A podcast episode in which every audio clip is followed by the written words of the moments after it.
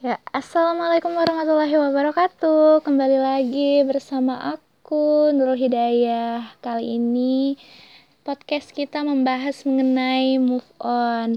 Nah, ini nih yang paling sangat sering nih kita dengar di kehidupan kita, tetapi kata-kata ini sangat sulit nih untuk praktiknya di kehidupan nyata.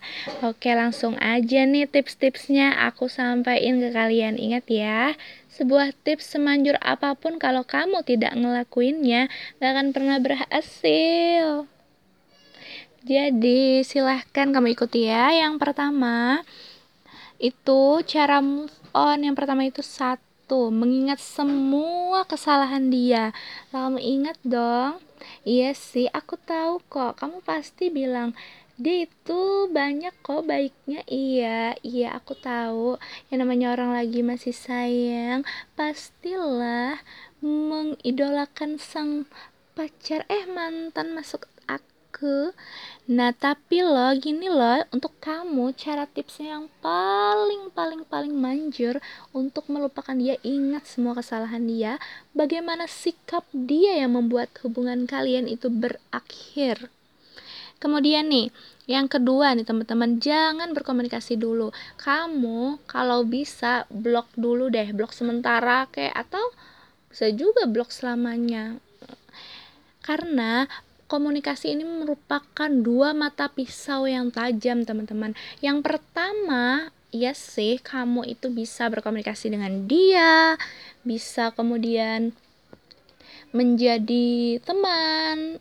Eh elah, gak ada kali yang namanya mantan kemudian jadi teman Itu seribu banding satu Takutnya kamu malah gak bisa ngelupain beb gitu loh Kemudian nih teman-teman yang ketiga, menyimpan barang-barang dan pemberiannya. Kenapa sih disimpan? Iya disimpan. Maksud aku di sini disimpan di gudang, dienyahkan dulu supaya barang tersebut tidak ada di dalam pandangan kamu. Kalau kamu selalu melihat, selalu menatap benda tersebut, lagi mana kamu cara move onnya, Neng? Yang keempat nih teman-teman, jangan pergi ke tempat kamu dan dia sering ke sana. Nih, kamu ini menatap dia. Oh aku pernah di sana dengan dia. Oh aku pernah duduk di sana dengan dia. Aku pernah makan di sana dengan dia. Aduh nanti dulu deh. Kamu jadwalnya untuk pergi ke tempat-tempat yang pernah kamu datangi dengan dia gitu loh.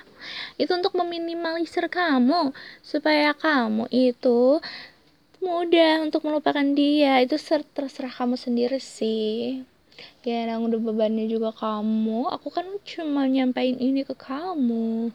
Yang kelima nih teman-teman jangan kepo deh tentang mantan. Aduh gimana sih udah jadi mantan aja kamu kepoin? Apaan sih? Gaje banget. Yaudah deh nggak usah kali kamu kepo-kepoin dia. Ngapain kamu kepo-kepoin dia? Dia aja belum tentu ngepo-ngepoin kamu gitu. Ya jadi saran aku, kamu jangan untuk ngepo-ngepoin dia.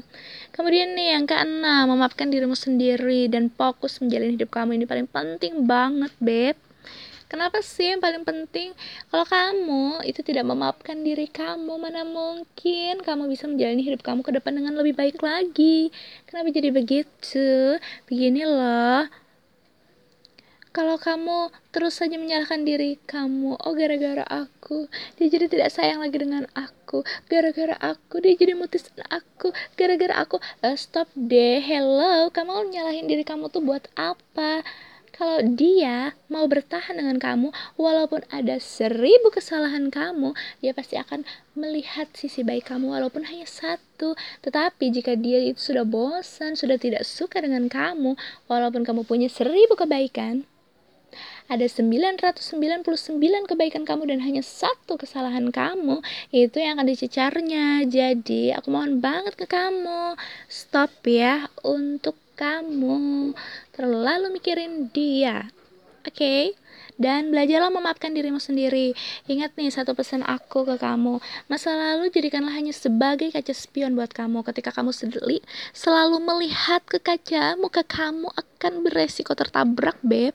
jadi hanya sebagai pembelajaran aja ya jangan selalu menoleh ke belakang masa lalu biarlah masa lalu jangan kau ungkit dalam ingatan aku masa lalu biarlah masa lalu sungguh hatiku tetap cemburu. Iya terima kasih atas perhatiannya. Mohon maaf ya jika ada salah kata.